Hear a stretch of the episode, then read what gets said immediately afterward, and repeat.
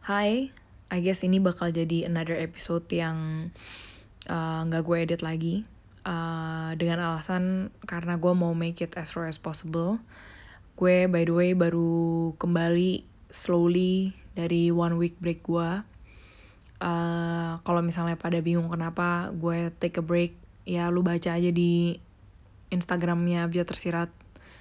Gue udah ngepost soal itu. Terus um, gue juga um, Sabtu lalu ada kasus sama bokap gue dan kalau lu juga belum tahu kenapa ya dengerin aja episodenya biar gue nggak ngulang-ulang. Kayaknya itu ada di episode 41 by the way. Nah sekarang gue mau bikin episode lagi-lagi untuk diri gue sendiri sebagai pengingat bahwa if you ever cing feeling down again, just remember this gitu.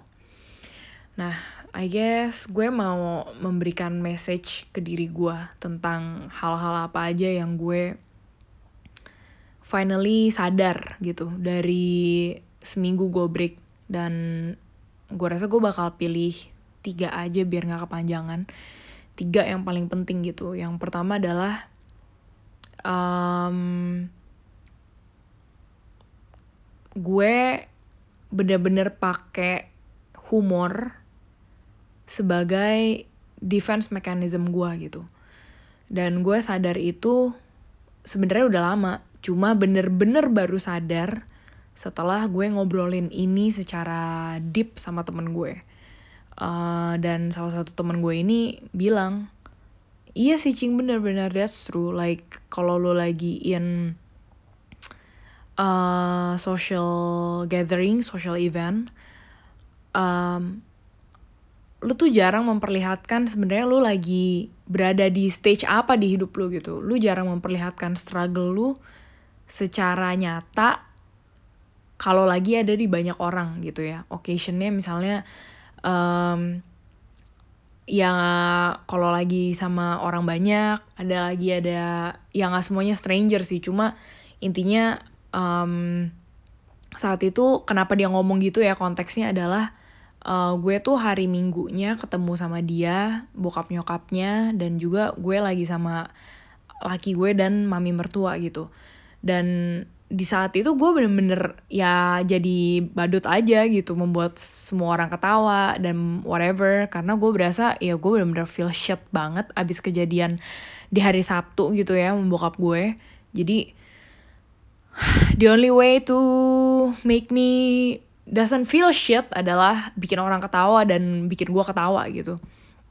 Tapi saat itu kan kejadian minggu siang, tapi saat minggu malamnya gue ngobrol sama dia dan juga dia akhirnya bener-bener tahu what's going on sama gue, dia yang kaget gitu dan dia akhirnya raise that awareness ke gue bahwa yes, um, gue memakai tak ketawa, gue memakai humor itu untuk bener-bener defense mechanism gue untuk kabur jadi makanya dari seminggu gue break, gue juga matiin handphone gue supaya gue bener-bener fokus sama diri gue.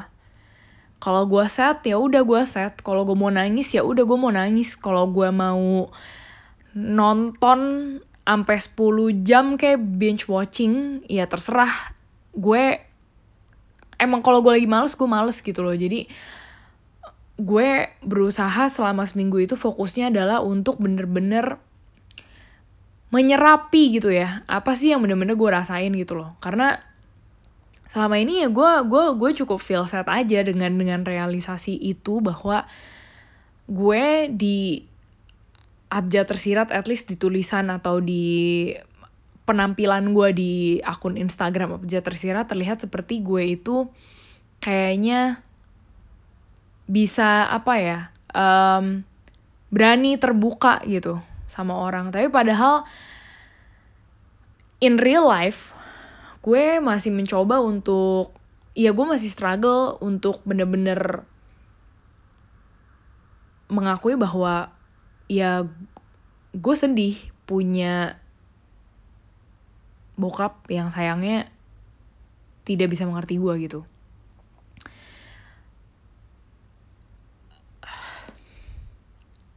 Gue sedih ekspektasi gue untuk bisa reconnect baik-baik atau punya hubungan baik dengan orang tua saat gue di Indo nggak kesampaian. Atau mungkin belum kesampaian I don't know. Tapi intinya untuk sekarang jauh dari ekspektasi gue dan gue jarang ngomongin itu gitu loh.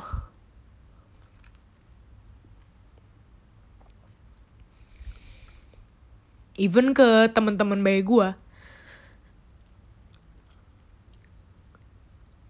karena gue tahu apa ya ya other thing sih. Gue notice gue itu orang yang mungkin ya ya gue susah banget untuk minta tolong. Gue susah banget untuk bilang ke orang kayak eh gue perlu lo temenin. Boleh nggak lo temenin gue kayak gue tuh susah banget untuk ngomong itu gitu.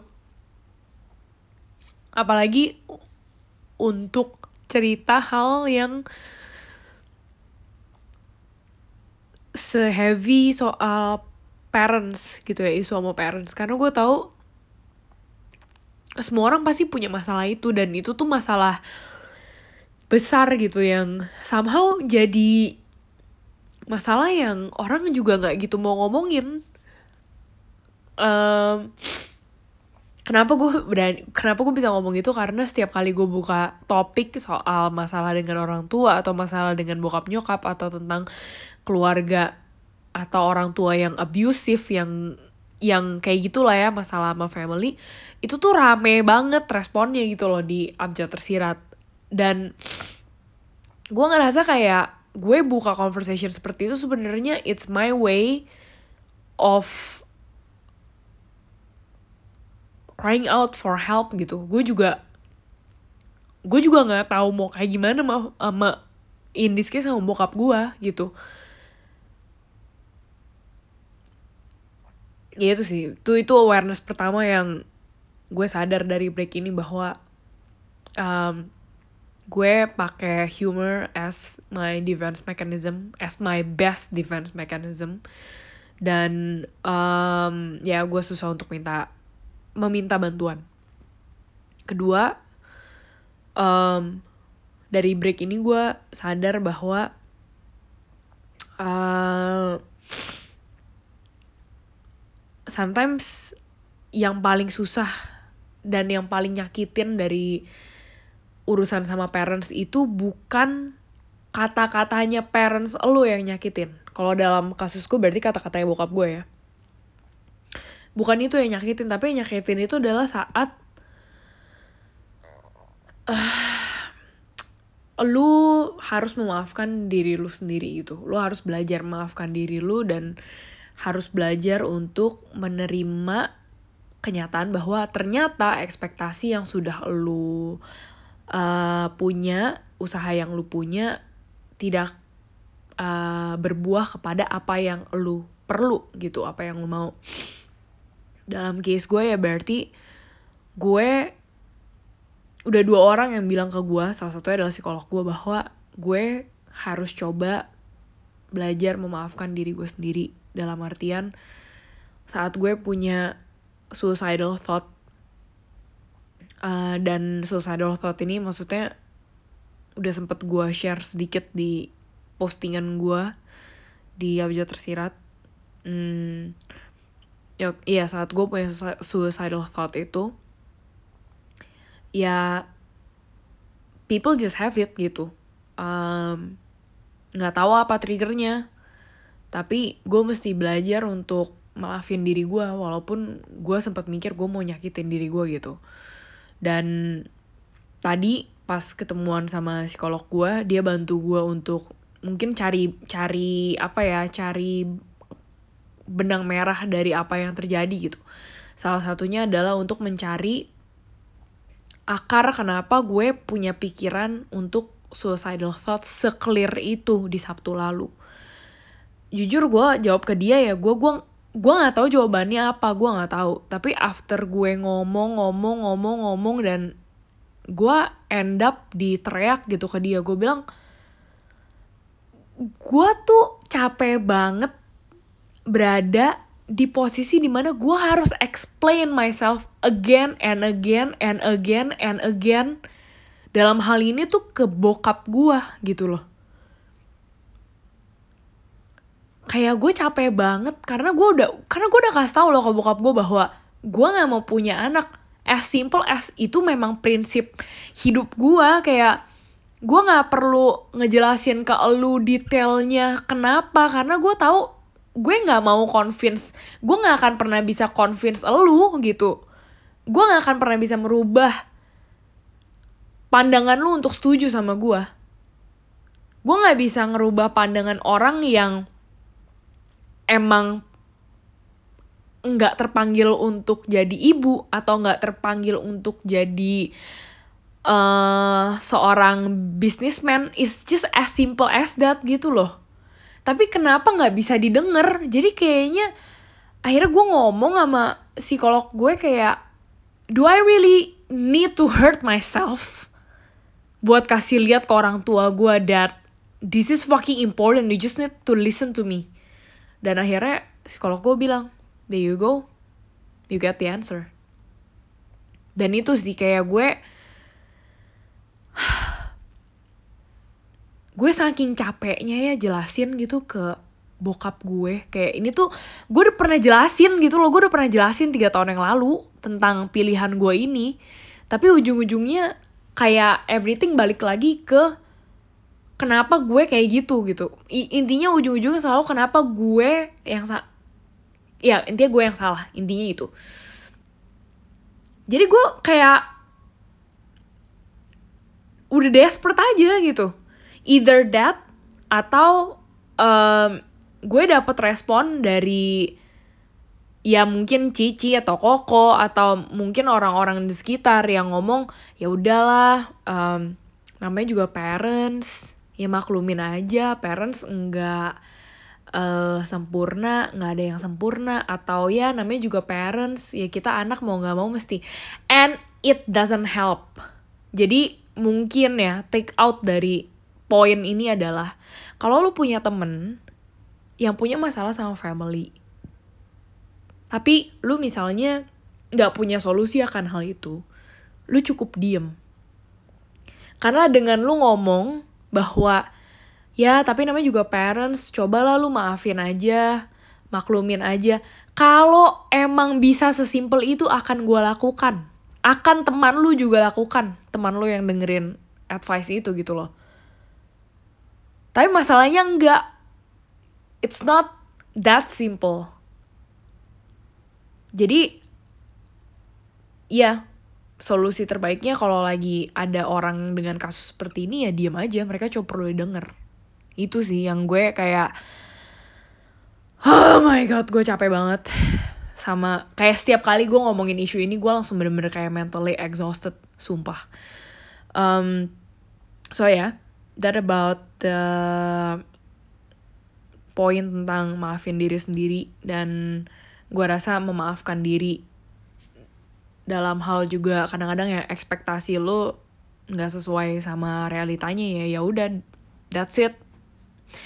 Belajar aja terima realitanya seperti itu dan cari solusinya gitu gimana untuk ke depannya bisa memanuver hal ini gitu. Dalam dalam hal ini psikolog gue cuma ngomong ke gue ya PR gue adalah sekarang untuk cari outlet gitu ya untuk cari sebuah pelepasan gitu bahwa kalau misalnya kejadian lagi kayak gini ya bokap nyokap gue atau sama siapa pun yang yang pokoknya ngebahas lagi soal anak atau bikin gue lagi berasa kayak self guilt dan self blame uh, ya gue mesti cari outlet gitu gue bilang sama psikolog gue ya gue punya podcast gue punya nulis. Um, gue kadang-kadang nonjok bantal di rumah buat jadi pelampiasan. Uh, tapi kayaknya udah nggak gitu work lagi tiga hal itu gitu. Kayak gue masih still have this apa ya frustration di dalam hati gue. Dan akhirnya um, psikolog gue bilang coba cari cara lain. Dan gue come up dengan cara baru yaitu gue rasa saat gue feel so frustrated gue mesti explore Jakarta sendirian gitu. Either gue naik busway, either gue naik taksi, either gue pakai MRT, apa pun itu, gue ke tempat yang totally gue nggak pernah nyampe nyamperin sendirian karena gue rasa ya sometimes kalau hal itu kejadian ya maksudnya isu sama family itu kejadian dan so heavy ke gue impactnya gue berasa kayak gue tuh pulang ke Indonesia untuk apa gitu kayak kayak dan Jakarta doesn't mean anything anymore ke gue gitu. It's not my home anymore. Tapi ya gue bakal tinggal di sini for quite long time so I have no choice other than making it home. Jadi ya mungkin dengan explore Jakarta gue bisa belajar lebih mencintai this place atau melihat sisi yang berbeda dari Jakarta I don't know. Jadi ya ya yeah, we will see. Eksperimen itu berhasil atau enggak. Dan ya sisanya psikolog gue cuma bilang coba pikirin kalau misalnya nanti kejadian kayak lu misalnya lagi ada family meeting atau ya ketemu sama family dan bokap lu kayak gitu lagi atau nyokap lu atau siapa pun family member kayak gitu lagi lu mesti lu mau ngapain? Boundariesnya tuh seperti apa untuk mereka tahu gitu atau bokap lu tuh tahu bahwa apa yang dikerjain itu apa yang dia lakukan apa yang mereka apa yang dia katakan itu bener-bener first frustrates you. Karena kalau mereka nggak tahu itu mereka akan terus-terusan mengulangi itu lebih parah lagi mungkin. Jadi ya itu PR gue. Dan I guess poin terakhir hal terakhir yang gue aware dan find out dari ya yeah, one week break gue adalah um, kadang-kadang apa ya? Um, yang diomongin orang tua itu ya yang diomongin orang tua itu bener-bener bisa painful banget gitu ke kita karena itu memang sudah menjadi basic needs kita bahwa kita ingin orang tua kita menerima kita. Kita ingin orang tua kita setidaknya ya bangga gitu atau atau ya puas lah dengan pilihan hidup kita, dengan pencapaian kita, dengan apa yang kita kerjakan, dengan apa yang kita katakan, lakukan. Semacam itu.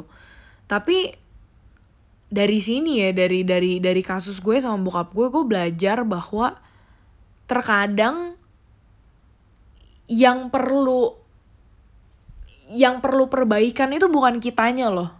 Karena gue udah di poin di mana gue mentok banget nih. Kayak gue udah nggak tahu cara mesti ngapain lagi untuk deal sama bokap gue. Soal gue yang mau punya anak ya. Jadi kemungkinan besar sekarang PR-nya adalah di orang yang bersangkutan gitu loh. Kadang-kadang kan kalau lu dengerin hal yang painful lu tuh kayak kayak menyalahkan diri sendiri kan. Kayak lu mikir gila ya gue emang sesampah itu ya. Gila emang gue you know like that kind of thought. Dan itu tuh terkadang pikirannya tuh muncul karena lu mau mencoba untuk kontrol situasi gitu loh. Karena lu tahu bahwa kalau gue raise issue ini ke parents gue entah itu ke bokap atau ke nyokap bokap nyokap gue nggak akan berubah. Dan sayangnya kemungkinan besar itu yang akan terjadi juga ke bokap gue gitu loh. Tapi untuk kita untuk gue punya awareness bahwa ini tuh isunya bokap gue. Itu tuh penting banget. Biar mengingatkan ke diri gue dan juga ke diri lo kalau lo juga ngalamin hal ini mungkin sama parents adalah ya sometimes udah lo udah mentok lu udah nggak bisa lagi ngurusin tainya orang. Lu udah itu udah bener-bener totally out of your responsibility untuk fix orang gitu. Dan whatever yang parents lu pikir tentang lu kemungkinan besar itu adalah refleksi atau perspektif atau penyesalan mereka atau struggle mereka yang mereka pun juga nggak ngerti gimana jalan cara keluarnya tuh kayak gimana gitu loh. Kenapa gue ngomong ini? Kenapa gue bisa ngomong ini maksudnya? Karena uh, pas tadi gue lagi meeting psikolog gitu sama, sama psikolog gue. Psikolog gue nanya, kalau lu punya magic wand gitu ya, what are you apa what what do you need gitu from your dad? Terus gue cuma ngomong sih kayak gue cuma perlu dia dia admit aja dia salah. Udah lu nggak usah minta maaf deh. Nggak usah minta maaf. Tapi lu admit aja bukan salah malah gue ngomongnya.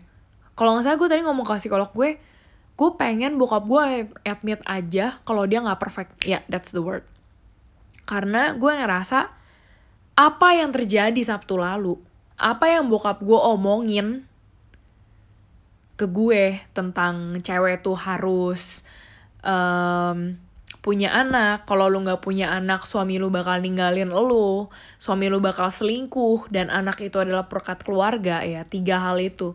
Itu tuh sebenarnya struggle-nya lu.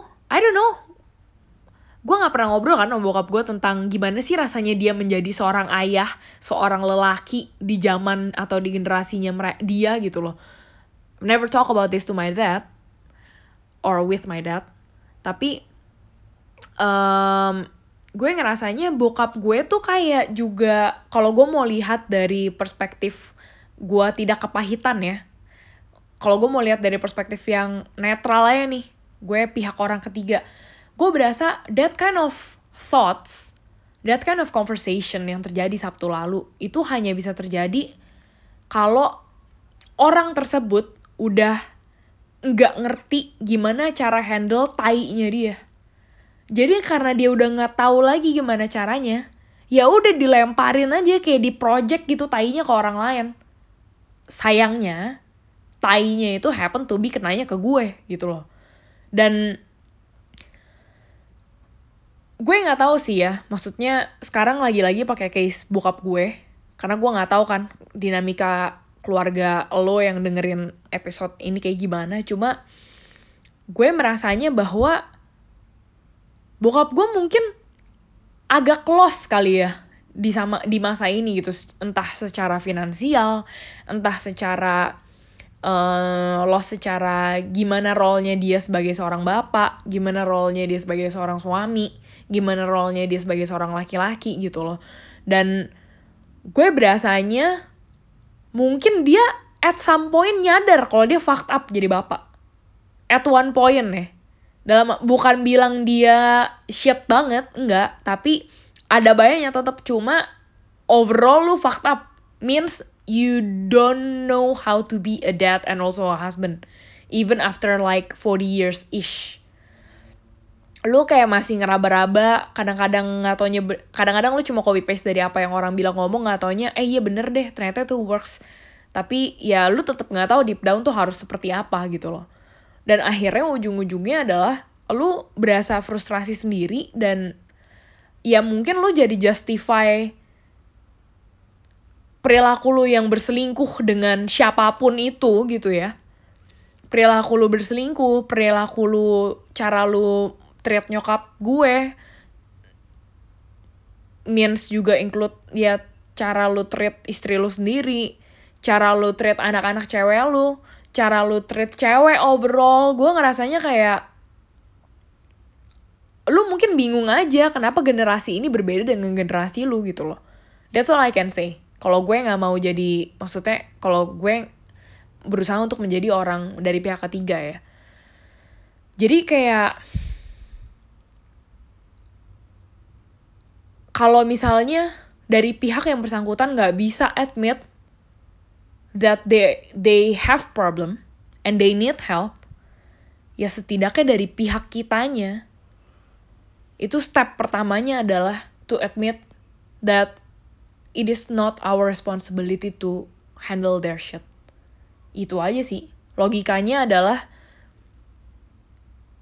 kalau dia kalau orang yang bersang, bersangkutan aja nggak berasa itu PR-nya dia terus lu berasa kayak lu bertanggung jawab atas PR-nya dia ya nggak akan ketemu nggak akan ketemu di tengah nangkap nggak sih maksud gue kayak logiknya tuh nggak akan dapet lu akan lu akan mati kecapean di tengah jalan karena lu kayak kejar-kejaran nih nih orang dan gue berasanya udah dead end-nya udah kayak gitu sih. Itu udah udah udah jalan yang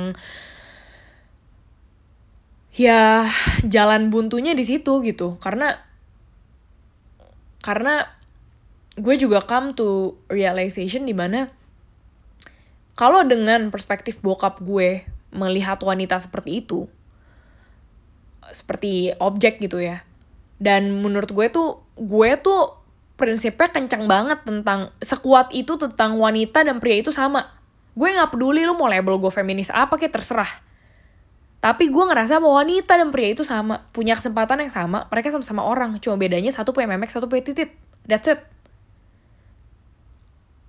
Dan gue ngerasa kalau bokap gue belum nyampe di titik itu kalaupun gue punya anak kalaupun gue punya anak yang di masa lain nanti beda lagi bisa jadi kalau misalnya gue punya anak dan gue work as a apa gue jadi working mom gitu ya yang ada nanti di komentar ini adalah ya lu boleh lah kerja setinggi tingginya tapi jangan lupa suami lu tuh ada di rumah untuk dijagain. Kayak nggak akan ada habisnya intinya itu kan gitu loh. Jadi makanya gue udah come to the conclusion di mana udah udah ini udah udah bukan PR-nya gue lagi untuk berusaha mengerti atau coba beresin bokap gue coba sabar nggak bisa gitu. Karena itu udah udah out of my limit sih. Jadi ya I guess sebagai penutup untuk diri gue dan juga untuk kalian yang dengerin. Um, gue ngerti di budaya di mana kita hidup dan tinggal ya terutama di budaya Asia gitu budaya Timur orang tua itu seperti dewa gitu orang tua itu seperti sosok yang di bawahnya Tuhan yang nggak bisa tersentuh, yang selalu bener, yang mau orang tua lu ngapain kayak mau bapak lu perkosa lu berkali-kali sampai lu hamil, itu kayaknya nggak apa-apa. Lu tetap harus menghormati itu karena itu orang tua lu. Oke. Okay. Gue nggak tahu itu asalnya pemikiran itu dari mana. Dan gue nggak akan memperdebatkan soal agama karena kan ada aja kan yang bisa bilang, tapi kan di Alkitab ngomong kayak gitu, Cing. Ya udah, terserah. Tapi di mata gue, gue praktikal aja orangnya. Gue merasa bahwa Tuhan, dan gue percaya ada Tuhan, dan Tuhan yang gue percaya adalah Tuhan Yesus. Tuhan Yesus sudah memberikan hidup ke gue. Itu hidup itu seperti hidup itu udah bukan seperti lagi hidup itu adalah hadiah gitu loh That's the gift. Tuhan kasih gue otak, Tuhan kasih gue hati, Tuhan kasih gue pemikiran yang unik, Tuhan kasih gue prinsip hidup yang A, B, C yang beda sama semua orang. Ya itu ada maksudnya. Itu ada purpose-nya. Sekarang pilihannya di gue adalah apakah gue mau menjalani hidup cuma karena katanya katanya anak itu harus menghormati orang tua no matter what. Jadi di logik gue nih ya, apakah gue harus merelakan apa pun itu even kewarasan gue demi mengikuti yang katanya orang tua itu harus dihormati kalau nggak dosa. Atau on a deeper level di logik gue, ya yang paling penting itu hubungan lu sama Tuhan, obrolan lu sama Tuhan. Tuhan tuh sengerti apa sama lu gitu loh. Tuhan tuh sebenarnya bener-bener mau apa sih di hidup lu? Dan gue bukan ngomong ini sebagai pembenaran ya. Karena of course, pas satu hari pertama di mana gue akhirnya decided untuk cut kontak sama bokap gue for a while, gue bener-bener sangat apa ya kayak digerogotin oleh rasa bersalah gitu loh kayak gue mikir gila lo lo dari sekolah yang keluar negeri tapi kayak gini kayaknya lo lebay deh lah la la la la la you know that kind of thought. Dan gue inget gue tulis di diary gue Tuhan gue udah gak bisa berdoa lagi. Gue gak bisa ngomong apa-apa lagi ke lu. Gue cannot even ask for help. Nggak usah kalau lu ke temen gue sendiri gue nggak bisa ask for ask for help. Tapi gue tahu that you are there and you are always there. Dan lu lagi listen ke gue. Sumpah gue tulis itu di hari pertama. Di hari Sabtu itu kejadian. Sabtu lalu. Terus besokannya entah gimana ceritanya gue lagi di GI gue ketemu sama dua teman baik gue. Kayak maksudnya dalam waktu yang berbeda gitu ya. Tapi gue ketemu aja papasan gitu dan kayak gue berasanya saat itu kayak gila what an out banget ketemu nih orang berdua di saat dalam kacak waktu kayak within one or two one hour doang. Abis itu gue berasa kayak wah gila gue tuh nggak sendirian loh. Kayak gue tuh ada temen. Karena saat itu ya gue berasanya gila gue sendirian banget no one will understand my struggle gitu. Dan that's why malamnya ya gue kontak-kontakan sama salah satu temen gue yang gue ketemu di mall gitu. Dan besokannya salah satu temen gue yang pernah muncul di episode ini uh, namanya Hanifa dia pernah share tentang eh di episode ini di podcast ini dia pernah share tentang um, struggle dia uh, cut relationship sama nyokapnya gitu ya. Dan dealing sama toxic relationship sama family. Gue tadinya mau kontak dia atau gak sih pas Senin malam coba gue pikir udahlah jangan ganggu orang. Maksudnya dia juga pasti lagi struggle sama nyokapnya dan udah nggak usah gitu. Selasa paginya Hanifa message gue dan ngajakin gue maksudnya kayak catch up. Dan Rabunya gue kayak tiba-tiba matanya tuh kayak ter ter apa ya terpantik gitu um, sama sunset yang bagus banget di sore itu gitu. Padahal tadinya tuh lagi mendung gede banget kayak eh mendung gede banget mendung banget dan hujan gede banget. Terus tiba-tiba nggak lama matahari muncul terus sunset. Abis tuh gue tiba-tiba kayak terbius dan itu gue berasa kayak entah gimana ceritanya gue kayak berasa kayak lagi ada spiritual enlightenment selama 15 menit itu gue cuma duduk di samping jendela. Gue ngerasain angin gue lihat sunset bagus banget. Terus di otak gue cuma ada pikiran begini doang.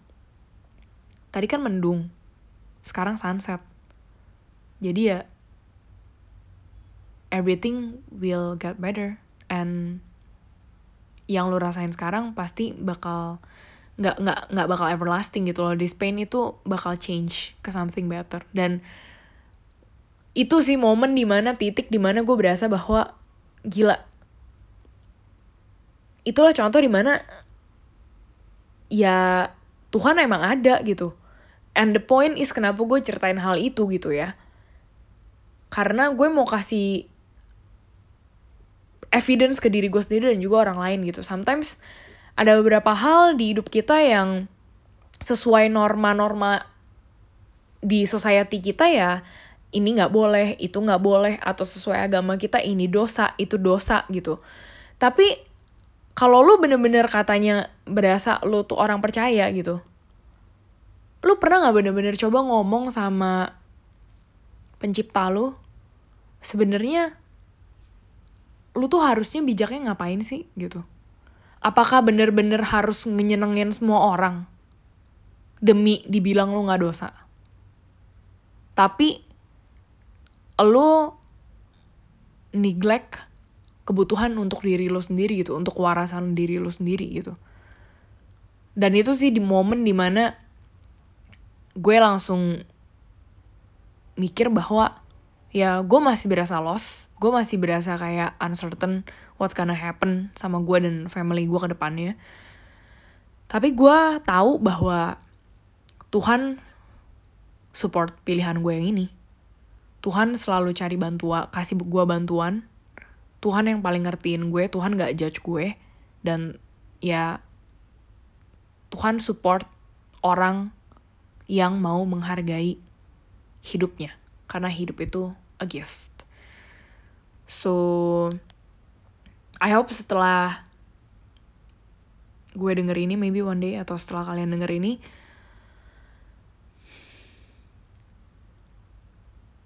gue cuma hope untuk kita bener-bener merenung lagi, diem lagi, mikir dan ngomong bener-bener sama apa yang lo percaya lah in this case gue sama Tuhan gue yang ngobrol sama Tuhan. Sebenarnya lu mau gue apa sih? Gitu loh. Itu aja sih. Dan gue rasa Tuhan akan selalu support orang-orang yang nggak cuma mikir dosa atau enggak tapi bener-bener pakai otaknya, hatinya, kebijaksanaannya untuk bisa menjalani hidup sesuai hidup yang Tuhan mau sih gitu. Um, that's it from me. Thank you for listening.